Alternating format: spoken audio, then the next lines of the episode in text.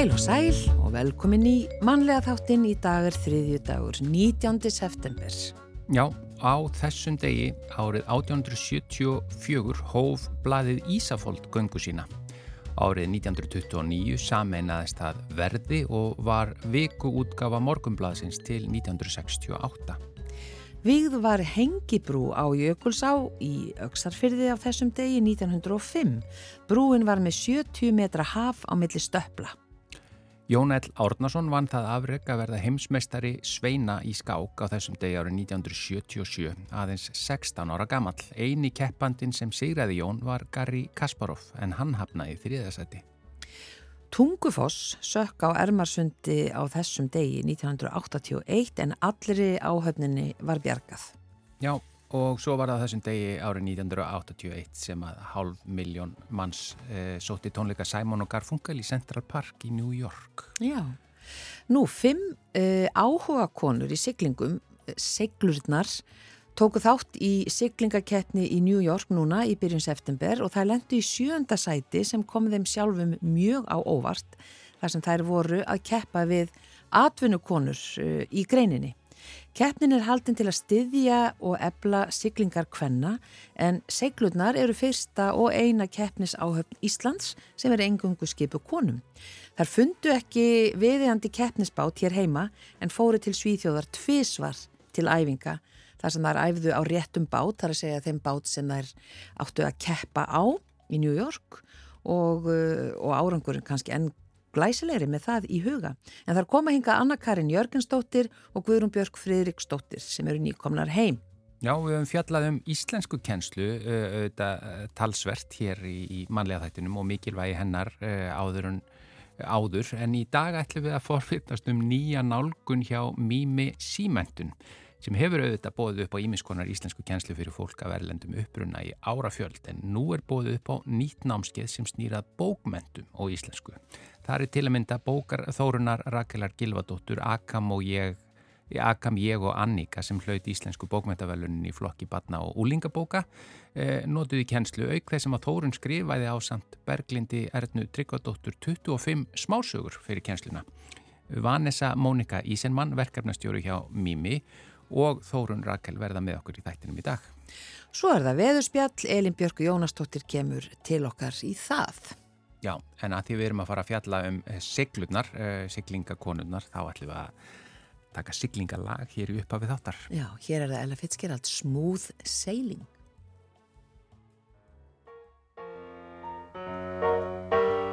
Smooth Sailing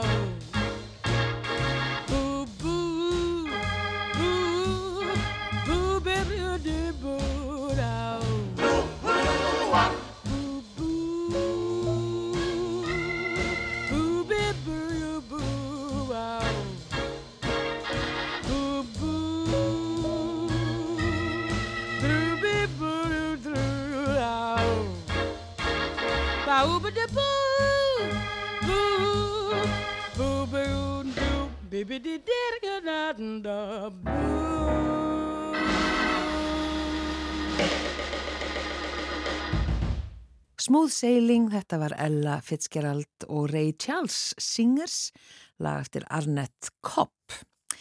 En fimm áhuga konur í siglingum seglurnar tóku þátt í siglingakeppni í New York í byrjun september og lendu í sjönda sæti sem kom þeim sjálfum mjög og óvart, þar sem þær voru að keppa við atvinnukonur í greininni. Keppnin er haldinn til að styðja og ebla siglingar kvenna en seglurnar eru fyrsta og eina keppnis áhöfn Íslands sem er eingöngu skipu konum. Og þær eru komnar hinga Anna-Karin Jörgensdóttir og Guðrún Björk Friðriksdóttir og áður en við eh, tölum um þessa siglingakeppni í New York. Hvenar byrjar ykkar eh, áhugi á siglingum? Ég hafiði verið að sigla sem úlingur og um, fannst það mjög skemmtilegt og síðan náttúrulega bara kemur nám og, og líf og fjölskylda og vinna inn í og ég var nú, hafði alltaf gaman að sigla en ég var eða kannski orðið meira svona farþegi heldur en einhvers konar gerandi í þessu apparati Já. en árið 2021 í COVID þá fá nokkra konur hugmyndum að sigla hringin í kringum Ísland með hvenna áhöfn og þarna var einn gömul siglingavinkona mín hún hóvar í mig og Eftir það hef ég bara verið óstöðvandi hérna á sjó. það var svona uppvakning. Já, og hvaðan er grunnurinn? Er það bara eitthvað svona, já, eskulís siglingaklúpur? Já, bara ég fór hérna að vesenast í, í, í klúpnum í Nautalsvík, Siglunessi og, og aðeins í Brókei og fekk svo sumavinnu einhvern veginn í Ími í Kópavóinum. Þannig að þetta er svona, þetta er lítið samfélag en samheldið og gott. Já. Hvað með þig Guðrún? Ég, ég dætt bara eiginlega óvart um borð í skútu ángríns og hérna bjóð í borgarfyrði í 20 eitthvað ár þar sem engin sjór er en, en ég, semst, þetta er fjórðakeppni sumari mitt og það er hóði í mig hérna í byrjunum að því þá vissu þar að mér að ég væri að keppa og, og þá var ég eiginlega eina konan að keppa á þessum tíma og, og, og er segja ekki eftir að tekja þátt í þessu með þeim sko. Já, og býtu, hvað er þú að keppa? Uh, sest, við, það er alltaf, allsumur er, er, eru syklingafélagin með keppnir, þau eru með keppnir alltaf á þrýðju dögum um sundin blá. Það er keppt í, í reys út á Skaga og tilbaka aftur og, og það er keppt millir ekki okkur hafnafjörður, ekki okkur kópavoks. Þetta byrjar svona í mæ og er klárast, það er næstu helgi, lokamótið. Já, og þú hefur ekki stóttið inn í þetta? Jú, sérstaklega þegar ég var svona í kringu tvítugt, Já. þá var ég á fullu að, uh, á sumrin að keppa á kjölbátum með Siggu, vinkonu okkar. Mm. En svo einhvern veginn, eins og ég segi, maður bara lífið kemur og hrifsar að manni völdin og ég var einhvern veginn alveg búin að gefa þetta bátinn að ég væri nokk. Ég hef engan á því að keppa, neina, ég ætla bara að fara að krúsa eitthvað, eitthvað, sagði ég. Já. Hvað? Og svo maður bara allir komin í þessa villisu. Vitleysu einmitt. Já. Eh, segið mér aðeins svona frá aðdraganda sko, þessara keppni, siglingakeppni á uh, Hudson Ánni við Já. New York. Svo núna í januar, þessart, eftir þessa ringferð, þá vorum við bara, hvað svo? Eða að gera eitthvað svo, er þetta búið? Uh, þessi kvenna sigling við að reyna að halda eitthvað áfram. Og í janúar kemur póstur til uh, siglingafélags hérna í Reykjavík uh, þar sem þessi keppni er kynnt og hvort að sé mögulega einhver kvenna á Íslandi sem getur tekið þátt. Þetta kom til okkar og mannst nú hvernig veturinn var, kaldur, dimmur og snjóþungur. Og það var bara myndirnar í þessum tölvuposti heitlu okkur svo mikið að við bara hugsaðum ekki tvisarum, sótum um. Svo fættum við náttúrulega við áttum ekki svona bát sem að átt að kepa Já, og hvað var þá gert? þá hérna settum við okkur sambandi Svíja sem að höfðu tekið þátt í fyrra það eru svo dásanlega að buða okkur tvær helga til sítjóðar að æfa og keppa og, og hitta þjálfara sinn þannig að við höfum þeim gríðarlega mik mikið að þakka Einmitt. Og þá hafið eftir ykkur á þessum bát, Já, þessum sem, þessum keppnisbát. Akkurat sem að klúpurinn þarna úti á marga svona báta Mm. og, og þeir eru nýttir í þessa hvenna keppni. Já.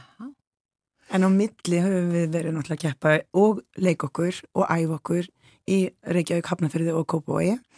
Af því klúbarnir eiga allir svona svipaða báta. þeir, þeir eru ekkit eins og þessi bátur sem við vorum úti en, en svona, veist, þetta er svipa þetta er, það er framsegl og, og hérna stórsegl og, og belgur og hérna þannig að við vorum alveg frá því mass búin að vera eitthvað að æfa okkur á þessum bátum líka Já, æfa svona samspil akkurat. Og svo hafið þá, hvað, fenguðu þá bát úti eða? Já, Bara bát, sem þið leiðuð? já, já, sem sagt, já, klúburinn eh, sá um bátana og við áttum bara að, að mæta með, með okkar græður og sigla því sem að var til staðar. Þeir reyndar keftu nýja, ný belgsegl fyrir alla bátana og hver einasta áhöfn var með fánan sín á belgseglinu. Já, Það var stórkostlegt. Íslenski fánin bara fljúandi fyrir Manhattan í fleiri fermetrum. Þetta var æði. já. það verður svona daldið, já, svona tignalegt. Oh, Það stór stund. Já. Og uh, svona hvernig fór þessi keppni fram og ég gleyma að spyrja hvað eru þið margar? við erum, við erum fimm Þið eru fimm. Já. það eru fimm um borð í þessum bátum og þetta fór þannig fram að við fengum einn æfingadag á fymtudegi svo átt að keppa þrjár keppnir á föstudegi, þrjár á lögadegi og tvær á sunnudegi en það var bara keppt ein, ein keppni á, Föstu á deginu. föstudeginu Svo Fyrst voru- var logg, já það var algjört logg svo var nú hægt að taka hennar keppni. Svo þegar þriðja átt að fara fram þá bara komu þrjumur og eldingar alveg og já. snar bannaða frá sjó. Já. Já, og svo fórum við, tókum við þrjára lögadeginu og það gekk bara vel og svo átt að vera tvær á sunnudeginum. Það er urður enda þrjár, eiginlega fjórar, því að fyrsta keppnin hún var blásin af og hérna, það var af því ströymatni voru svo rosalega þetta er á, þetta er ekkit, þetta er bara á, þetta er ströymharð á. Og hérna, og Sigga skipstjóri, hún lýsir þessu, hún líkir þessu við annars slönguspilið.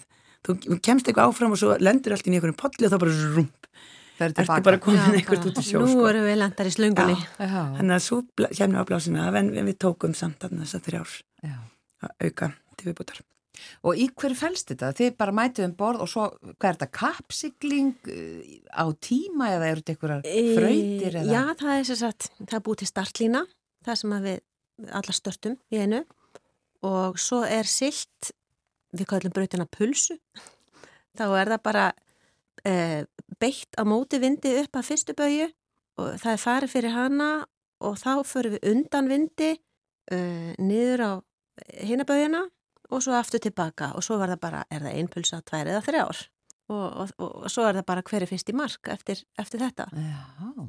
og sko við bauðirnar sko 11 bátar 5 konur cirka á hverjum bát 55 konur öskrand á hvora þeirra við bauðum frá, frá, ég á réttin og þetta var þetta var svolítið sérstætt og ógeðslega gaman mikið hafari það var mikið hafari Já. og já, það var engin, engin þögn í þessari siglingu. Nei, allar vinkonur í landi en það var alveg margt látið fjúka þannig við bauðirnar Sem sagt, hvora á aðra eða Já, á næstu báta? á næstu bátar sko. Já. og það eru reglur og þegar eru margir báta maður býtu þessir á bakborða, þessir á býtu hvað á ég réttin, á ég ekki Og réttin svo er það vatn á baugju Já. og það er þrjár bátslengdir, þetta er alls konar. Og, og hérna, það er erfitt, það er mjög auðvelt að horfa á þetta og sjá þetta svona út frá, utanfrá en þegar þú ert komin onni í bát og þú sér það valla fyrir seglunum, þá er þetta spennandi. Og hvað var þetta vikuferð, eitthvað svoleiðis? Já, þetta var, þetta var eiginlega akkurat í vika uh, við gáum okkur þarna æfingadaginn á fymtudeginum og svo tókum við mánudaginn bara til þess að aðeins vinda ofan á sér Já. áður en að haldir þið heim og þetta hljóma náttúrulega rosalega fancy sigla á skútu fyrir utan Manhattan en sko 90% af tímanu voru kófsvittar með táfílu og órindhár og 30 gráðu. marblettirnir eru fleiri en maður getur talið og, og svona ímislegt sko. Já. þannig að þetta var kannski ekki svo nei. þetta var gaman Já. En svona á hvað reynir þetta? Er þetta svona samhæfni eða er þetta uh, svona ykkar samskipti, samspil? Þetta er mikil samvinna og við sem að byrjum bara að æfa núna snemma þessu ári, við erum rétt að ná því í dag að vera svona eins og einmanneskja og allar það sko Mm. og það ná samtali að það sé ekki bara alltaf ein sem að þurfa að bera allar ábyrðin og taka allar ákvarðanir. Við tökum það saman og við þurfum að ráðleggja hver annari hjálpast að treysta því líka að, að það sé einhver sem að, að, að við vinnum vinnun okkar. Semst, að, að, að við, við getum ekki haft áhugjur af því að, að Anna Karin sé kannski ekki að gera það sem hún á að gera eða ég eða þannig að það er, fannst mér eiginlega mest dýrmætast hvað í rauninni það var auðvelt að trista áhöfninni.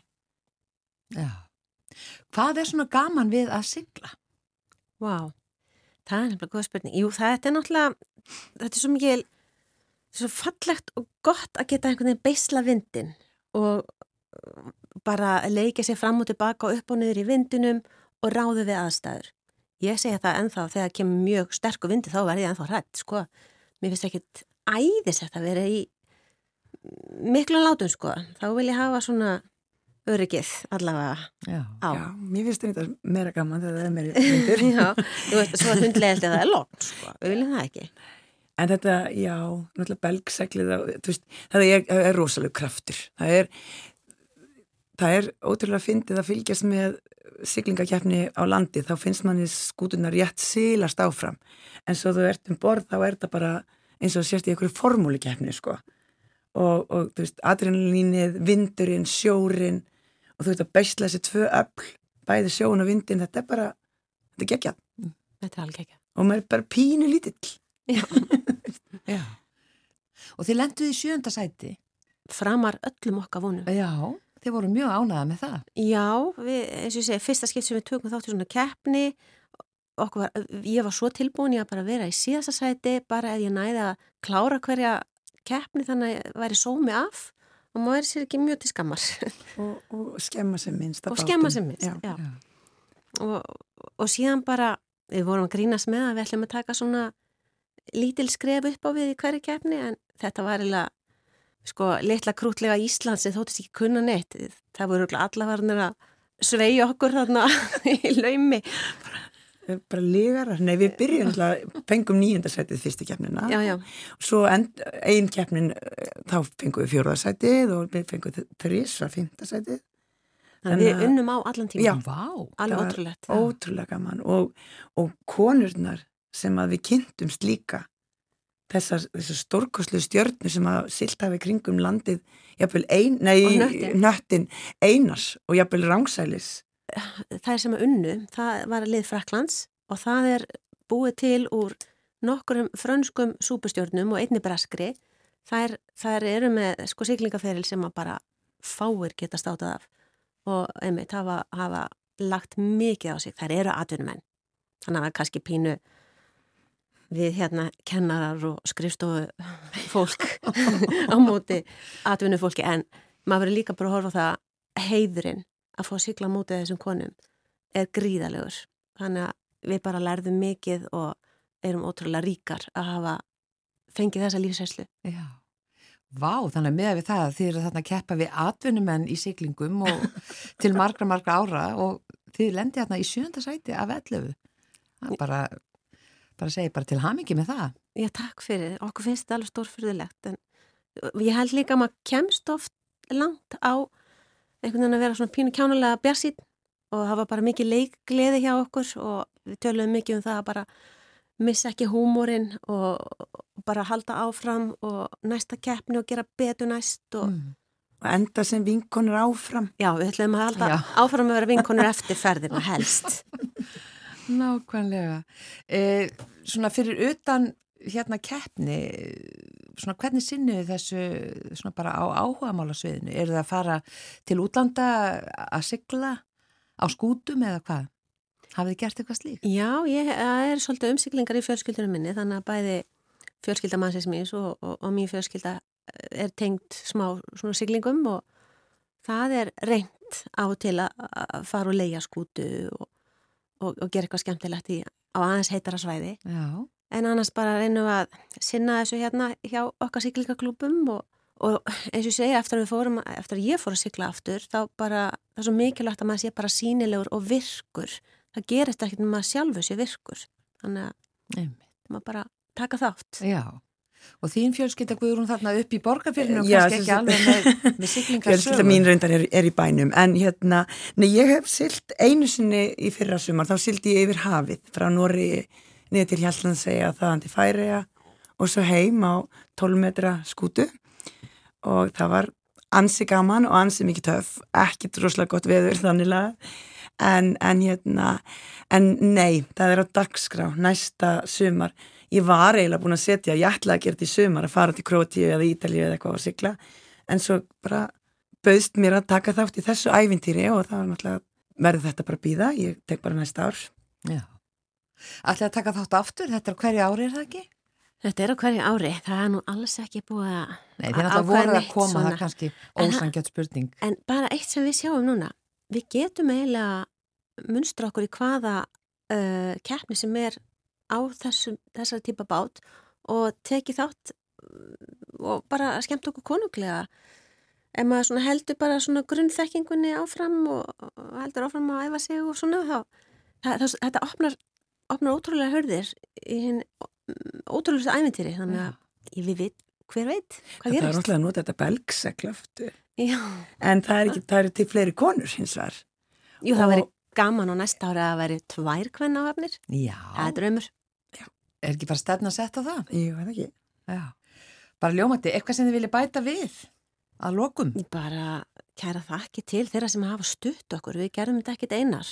Hvort sem það eru fjölskyldan okkar, klúbarnir, siglingasamfélagið, fyrirtæki, við- sko við, við getum þetta ekkit nema að við hefðum fengið alveg ómetanlega stöning. Já. Bara bestu þakki til þeirra hér með komið á framfæri en Anna Karin Jörgensdóttir og Guðrún Björg Friðriksdóttir.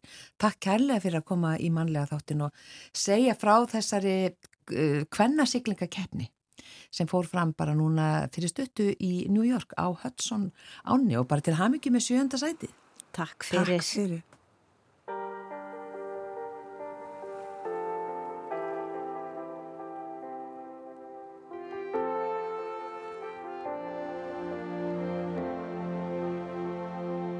And she played the harmonium down by the sea, singing, God save the USA and God save me.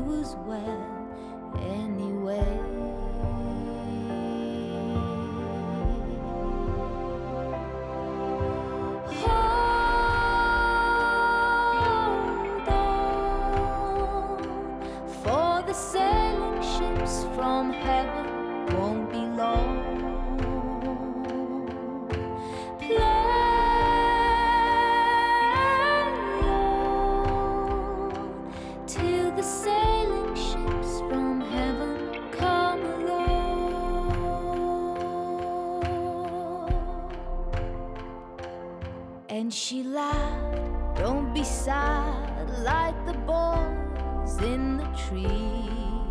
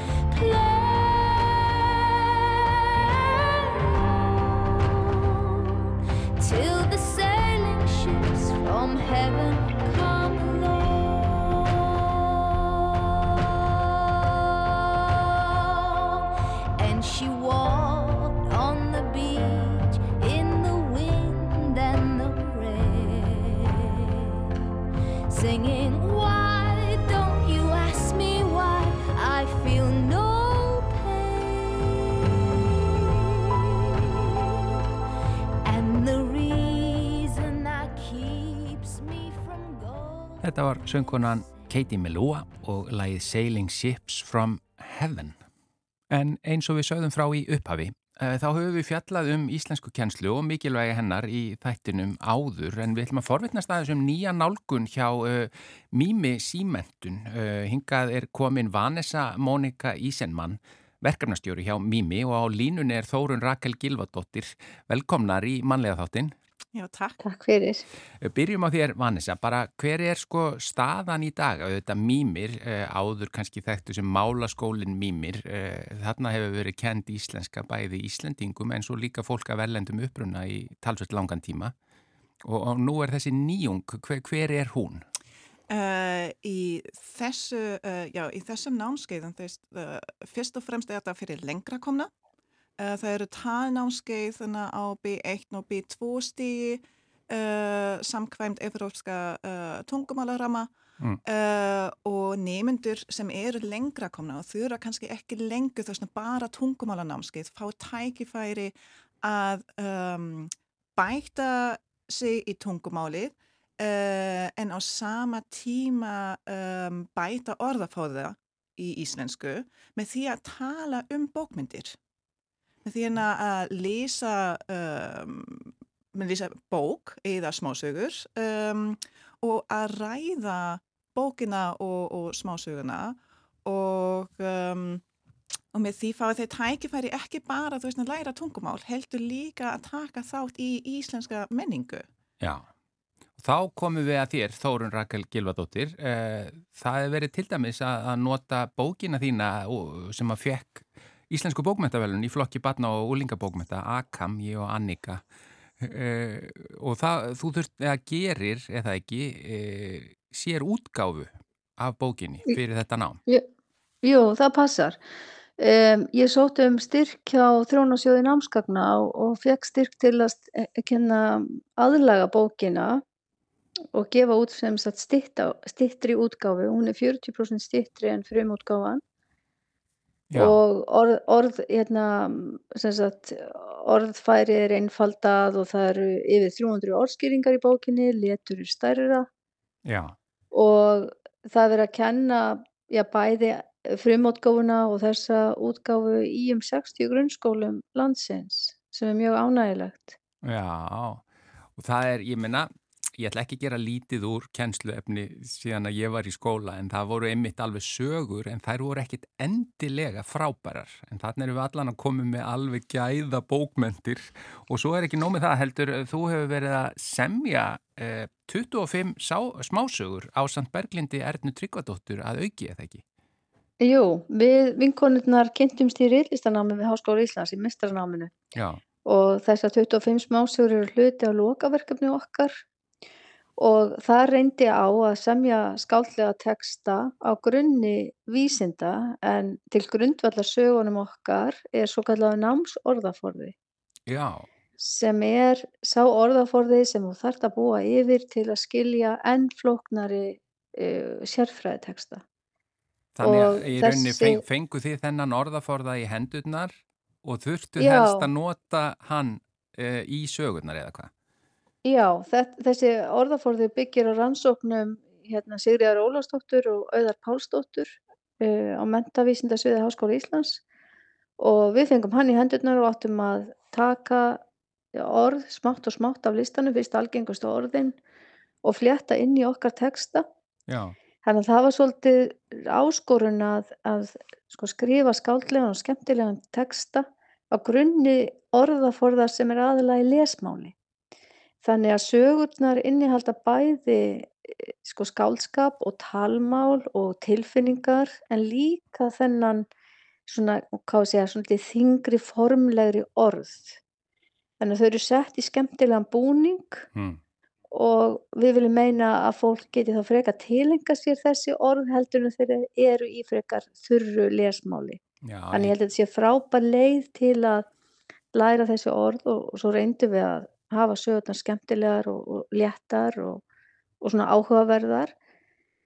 Og ég er svo ána með að, að mýmur skuli taka á skarið og vilja kenna íslensku á erfiðara stígi heldur en málaskólar hafa haft tækifæri til áður. Já, með þessu sér hannaða námsefni. Þetta, er í rauninni Sem- kannski bara, uh, Vanessa, þetta er rauninni kannski bara næsta stig fyrir ofan hefðbundna málakensli eða hvað? Já, akkurat og þá vandar nefnilega eins og hennar uh, Rakel var að segja, þú veist, þá vandar eitthvað sem fer umfram venjulega tungumálakenslu um, fyrir hennar lengra komna og þetta námskeið, þú veist, það er kannski fyrsta skrif að brúa bílið. Já, en hvernig sko, ég bara hef áhuga Þórun Rakel á, á þetta með að fá svona orðalista í hendur fyrir uh, rítuðund að þurfa að skrifa uh, sögur út frá í rauninni orðalista. E, var þetta mögulega uh, kannski bara frelsandi rammi eða, eða hvernig fannst ykkur þetta að vera erfitt að þurfa að, nýta ykkur orðin?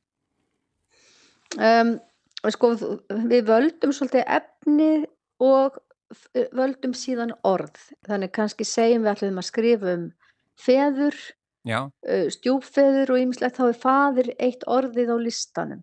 Og svo geti kannski komið í, í kjölfarið staðráðin, uh, hérna, ástand, ástæður, kvöldu kannski 20 orð og svo var það bara hugmyndaauðkin sem þurfti að- flétta þessi orð inn í textan á skemmtilegan hátt. Að þetta var bæði svolítið erfitt en líka skemmtilegt.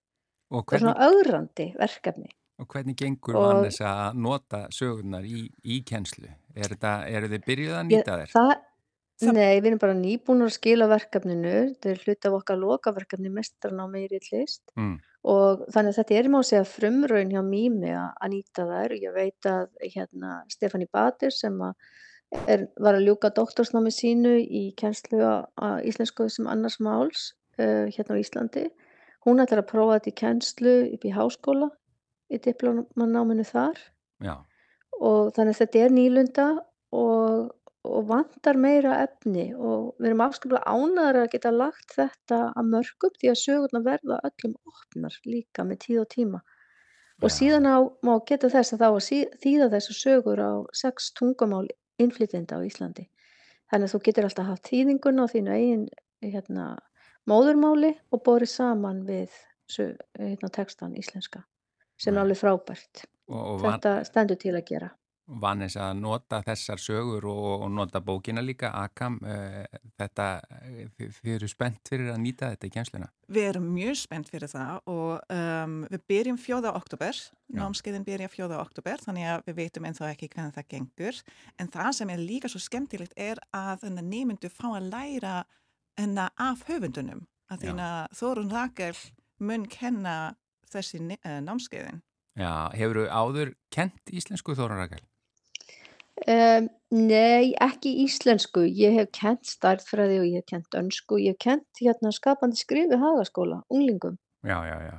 Og annars er ég nú sjúkraþjálfari svona aðalega, sko, þetta eru jáverkin, er skriftirnar og, og, og kennslan. mjög áhugavert. Ég þakki ykkur bara innilega fyrir að koma í mannlega þáttin, Vanessa Monika Ísenmann og Þórun Rakel Gilvadóttir og, og e, þetta er bara frábær ný viðbót e, við, og ný nálgun við málakennslu og íslensku kennslu í þetta skipti hjá Mými Símentun en þetta verður eins og segir Þórun Rakel, þetta verður líklega nýtt e, víðar í fleiri skólum. Takk, takk innilega fyrir að í mannlega þáttin. Já, takk fyrir að bjóða okkur.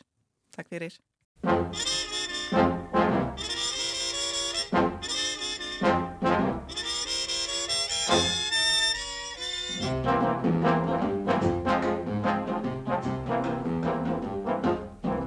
Tico, Tico, tick, oh, Tico, Tico, tock. This Tico, Tico, he's a cuckoo in my clock.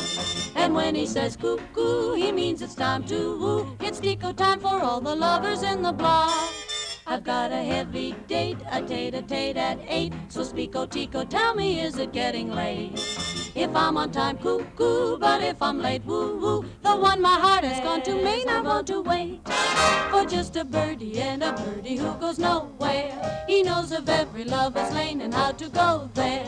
For in affairs of the heart, my Tico's terribly smart. He tells me gently, sentimentally at the start. Oh, oh, I hear my little Tico, Tico calling. Because the time is right and shades of night are falling. I love that not so cuckoo, cuckoo in the clock. Tinkle, tinkle, tinkle, tinkle, tinkle, tock. I've got a date that ain't hard to celebrate with my friend Tinkle, tinkle, tock.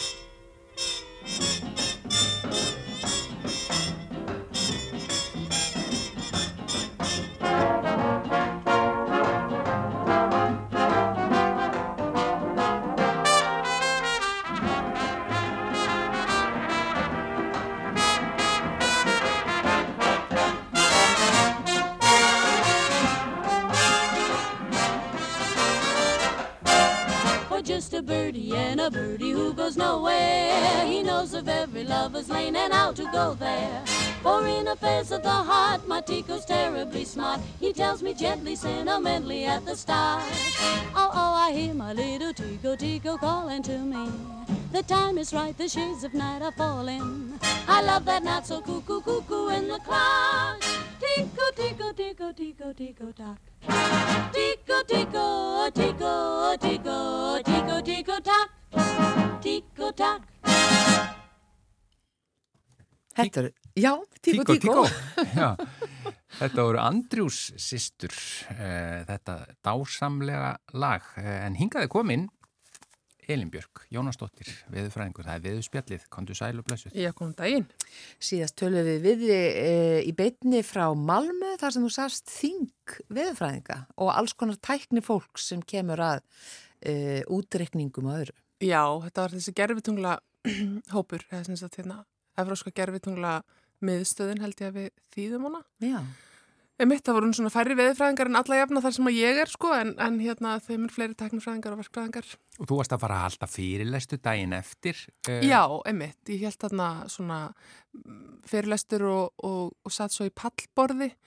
Uh, þetta var svona ætlað til þess að sína öllu teknifólkinu sko hvernig síðan gögnin sem að, að lokum er aflað úr tunglunum sem að þau smíða og hanna og koma á loft hvernig gögnin eru nýtt. Mm. Uh, þannig að ég talaði semst fyrir hönduðist á Íslands og svo var hérna kollegi minn Will Lang sem að talaði fyrir bresku veðstofna. Við vorum svona, svona með hérna, við þekkjumst mjög vel unnum mikið saman þannig að við hérna vorum búin að hanna svona uh, hálftíma atriði má segja. Það sem við fórum yfir þetta svona pausuðum að, að vera ekki að tvítaka hlutina sko þannig að við náðum að, að fara svolítið á breyttina og svo sátum við í pallborði e, þar sem við fengum fullt af spurningum úr sal og svona. Spennandi. Já, þetta var mjög, mjög gaman og kom bara mjög mikla spurningar og, og hérna og sem sagt vinna viðstof Íslands við sko það að nýta gerfitung til þess að fylgjast með reyfingum jarðskorpunar eins og við höfum séð á Reykjanesi um, þessar hérna insar myndir munið með öllum óbáslega skrítnu litónum sko, sem við sjáum alltaf með fréttum þegar fyrir eitthvað hrefast á Reykjanesinu uh, það sama sem sagt uh, tækni nýtist líka til þess að uh, skoða hlýðar sem að eru að hreyfast eða til þess að afmarka þá möguleg skriðusvæði Já, já. og hérna og ég talaði svolítið um það. Það vakti greiðilega aðtegli að við værum að nota gerðutónlagögn á þennan hátt og aðstofa frangotastjóri alþjóða viðmálastofnunarinnar var þarna stattur og var mjög mjög hérna áhugaðsamur sko um þetta þetta geti nýst til dæmis í sko ríkjum sem að hafa ekki öflugar, öflugar veður eða almannavarna þjónustur. Já. En því við töluðum við þig í síðustu viku ég, ég kastaði fram svona einhvern veginn hvenar við gætum farið að eitthvað að krukka, eða þú veist að því að tækninni flegi svo mikið fram, hvenar Einmitt. við gætum farið að í rauninni að krukka í veðrinu og Já. laga það jafnvel eða Já. eitthvað, þú veist, ég laga jafnvel allt þetta sem við erum búin að klúðra núna með Já. loslæð og svo leiðir. Þeir eru svo komið bara fréttir í vikunni um Já. eitthvað svipað. Já, þá komu fréttir. Ég fekk einmitt fyrirspurt bara í síðustu viku líka varðandi frétt sem að byrtist um að það væri einhverjir svona uh, forstjórar stóra fyrirtækja og, og einhverjir fyrirverandi forstjórar alþjóða stopnana sem væri semst áskaftið því að að á alþjóðavísu yrðu aðgerðir sem að eru til þess fatnar að draga úr inngeislun sólar bannaðar. Mm, Býtu útskýrða aðeins. hvað? Já, og það er, sagt, e, það er ákveðin, hérna, ákveðin rannsóknarfag innan loftlagsvísindana og verkfræðinar sem er svona, e, svona, hvað ég var að segja, krossamilli Mm. Sem að kallast á íslensku nattverkfræði eða geoengineering á ennsku og hún skiptist í nokkra parta þessi nattverkfræði og annars verður til dæmis eins og karbfix-verkefnið upp á helliseiði það sem er verið að ná sko koltvísiringi úr útblæstri virkjana og dæla niður í jörðina til þess að hann fari ekki út í andrusloftið. Ah. Það er ákveðin tegund nattverkfræði sem bara virkar og, og hérna, við erum að sjá alveg geysilega framþróun í því. Það komið veg fyrir útblásturinn. Já, til þess að raun að vera passa við séum ekki bara að með þennan sóðaskap einhvern veginn að veita öllu upp í lofthjúpin. Mm. Eh, önnur sko annar vangur eða önnur, önnur hérna grein innan þessari nattverkvæði er þessi Solar Radiation Management sem er kalluð SRM-tækni. Hvað það er? Inngeislun? Nei, já, þá erum við að, erum við að hugsa um að draga úr sólgeislun. þá erum við að hugsa um að draga úr hitanum frá sólinni ha? inn í andrusloftið til þess að draga úr hlínun loftípsins. Mm. Já, og það er semst að einhver leið til þess? Já, sko við þekkjum náttúrulega að í sko stórum eldgósum, Pína Túbó er svona nær, nærtakasta dæmið, um, að þá var svo gríðalegur öskumökkur í því gósi að hann fór alveg langt upp í heiðkvolvið, hann fór upp úr veðrakvolvinu og upp, upp í heiðkvolvið sem að í raun og veru ef eitthvað fer upp í heiðkvolvið þá setur það þar mjög lengi. Mm. um, þannig að það sem að ósónlægið eru þar um, og það kól, kólnaði á jörðinu um halva gráðu í svona tvö ára eftir. Hvenar var þetta? Þetta var 92 minnum eitthvað wow. og, hérna, og þannig að þetta er svona, hérna eru afleðingar svona stóra eldgósa og við vitum alveg að reysastóra eldgós í fortíðinni kannski keldi hérna jörðina um tvær gráður í einhver tíma sem hafði svo mikil áhrif á þá fólksflutninga og útdauða tegunda og, og allskynns og núna er sem sagt þessi grein eh, að hugsa um hvernig getur við nýtt okkur það sem við vitum um þetta og, og, hérna, og keift okkur svolítið meiri tíma til þess að takast þá á við loftlagsbreytingarnar. Kæla jörðina. Kæla jörðina ánþess þó að vera dragar ennverulega úr útblæstri heldur bara að minka þá ingeslun sólar sem kemur. Af því að það sem gróðurhúsa áhrifin gera og þessar loftlagsbreytingar er bara að um, ákveðnar agnir í andrúsloftinu þær eru hitagleipnar, þær taka í sig hita og virka bara svona eins og opn mm. svo bara hita er út frá sér, það hlýna bara sjálfa ragnirnar og svo hita er allt sem er í kringum sig og til dæmis koltvísýringur. Mm. Þannig að þegar við dælum alltaf meir og meiri koltvísýringi út í andlustoltið þá er alltaf fleiri og fleiri agnir sem að taka í sig svo mikinn hita frá sólinni og hita alltaf kringum sig og þannig verður þessi nattarinnar hlínun. Mm. Þannig að í staðin fyrir að draga úr koltvísýringi í andlustoftinu og draga úr uh, útblæstrinum eða kannski ekki staðin fyrir en samhliða mm. að þá er þarna þessi greinvísindana að íhuga hvort að við getum sko dreyið líka úr ingeislun sólar sem að fyrir okkur á Íslandi hljómar náttúrulega hræðilega því að það kælir. er kælir Já, sko. Já. En þetta er sem sagt svona, þetta eru hugmyndir en það eru auðvitað alveg á ofbosla stórum skala þetta er svona einhvers konar vísindaskáldskapur sem að enginn hefur raunverulega held ég sko, það er náttúrulega erfitt að prófa þetta af því að þú ert ekki með aðra jörð til að prófa á Tilrunajörð? og við vitum ekkert hverjar afleðingarnar gætu orðið eða ófyrir sér afleðingar. Og það var verið að vara við þessu? Já, það var svolítið verið að ræða sko þetta hvort að vættum ekki bara bannið þetta alfarið þannig að Já. fólk færi ekki einhvern veginn og, og bara byggi til einhverjar geimskullur sem að dreifðu einhverjum ögnum upp í heiðkólfið án þess að væri búið að taka til, til þess afstöðu almennt. Að, ég menna að kveikna allavega viðvörunarljós ef við ætlum að reyna að glíma við lofstasvanda af mannavöldum með því að fara að breyta einhverju Einmitt. við mannfólki. Það, við höfum ekki alltaf góða reynslu af því að vera að krukka í svona. Við höfum ekki sérstaklega góða reynslu af þessu og e, síðan hérna sko eru mismunandi útgar af þessu þegar ég var í mastersnami í Oslo og þá hérna gerði ég svona greiningu sagt, þetta var verkefni mitt, mastersverkefni mitt snýrist um svona nattverkfræði mm.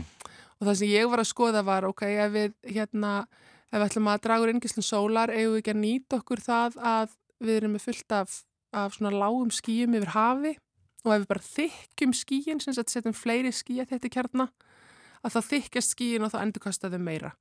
Og þetta er svona hugmynd sem kemur út frá því að þegar maður horfir á tunglmynd e, til dæmis yfir Kirrahafinu, þá sjást skipaslóðarnir að þeir sótið sem skipin blása út frá sér fara upp í skíahuluna og þykja skíin sem sagt, þannig að þeir verða kvítar og maður sér svona rákir allstaðar og það er alveg markvert hvað þá þessi þykkari rákir hérna endurkasta af sólaljósi Þannig að verkefni mitt var að hugsa okkur hvað ef við setjum út hérna flota af 2000 sjálfstýrðum litlum bátum sem að búa til skýja þetta kjarna úr sjáarsalti. Bara dæla í raun og veru sjó upp í þessi fínu ský.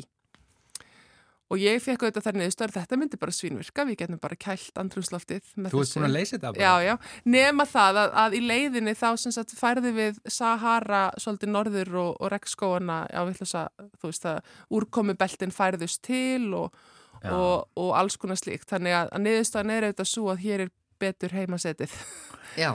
Það er alltaf einhverjar auka afleiðingar. Já, og það er það sko, en þetta sem ég var að tala um, það var bara eitthvað sem var hægt að, að slökka á með einum nappi og það er því bara, myndu líða 6 klukkutímar þangar til að skíin í raun og veru verða aftur eðlileg eins og þau eiga að vera. No. Þannig að ég var að, ég var að skoða svona það sem að kannski getur talist sem heldur raunhafur möguleiki heldur en að einhverju í heiðkólfinu sem að hefur að sko minnstakosti tveggjára helmingunatíma sko.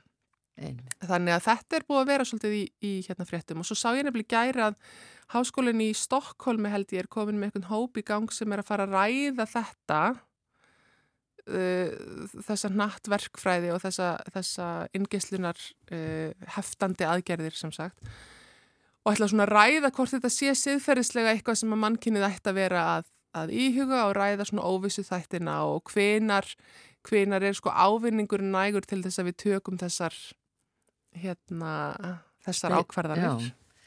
Ég veit ekki henni ég skítrættu Já. þetta. Já, ég, ég er allavega á því að hér ætti við bara að staldra við og ekki fara lengra. Já, ekki fyrir við veitum bara nákvæmlega hvað við Það er, erum bara, að það fara er miklu auðveldur að takast á við loftlagsbreytingar eins og við vitum hvernig ná að takast á við þar. Það er Já. að draga úr útblæstri gróðrúsloftegund og hætta að nota jærðan eldsniti. Það er miklu einfaldara verkefni heldur en hitt. Sko. Já, eitthvað sem allir geta tekið þátt í. Algjörlega. Já, við gætum jáfnvel búið til eitthvað ennþá meira vandamál. En Elin Björk, Já. Jónasdóttir, þakka þér aftur fyrir komuna í veðurspjalli og hérna að því að við lægið núna, það er sko tengt sko að því við erum að tala um svona tilbúin uh, veður og akka. Þetta lag- hljómsveitin heitir sko Canned Heat eða hit, Hiti í dós. Hitt í dós.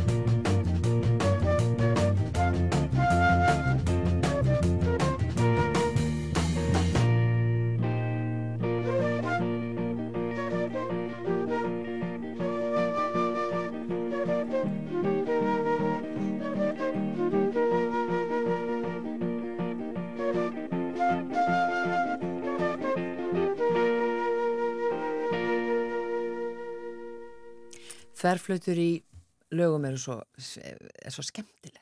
Já, þetta er frábært lag. Uh, Going Up the Country með Cantít eða Niðursóðin hiti eins og við sögum að. Já, nú þættin með lokið í dag, þennan þriðu daginn við verðum hér aftur á morgun.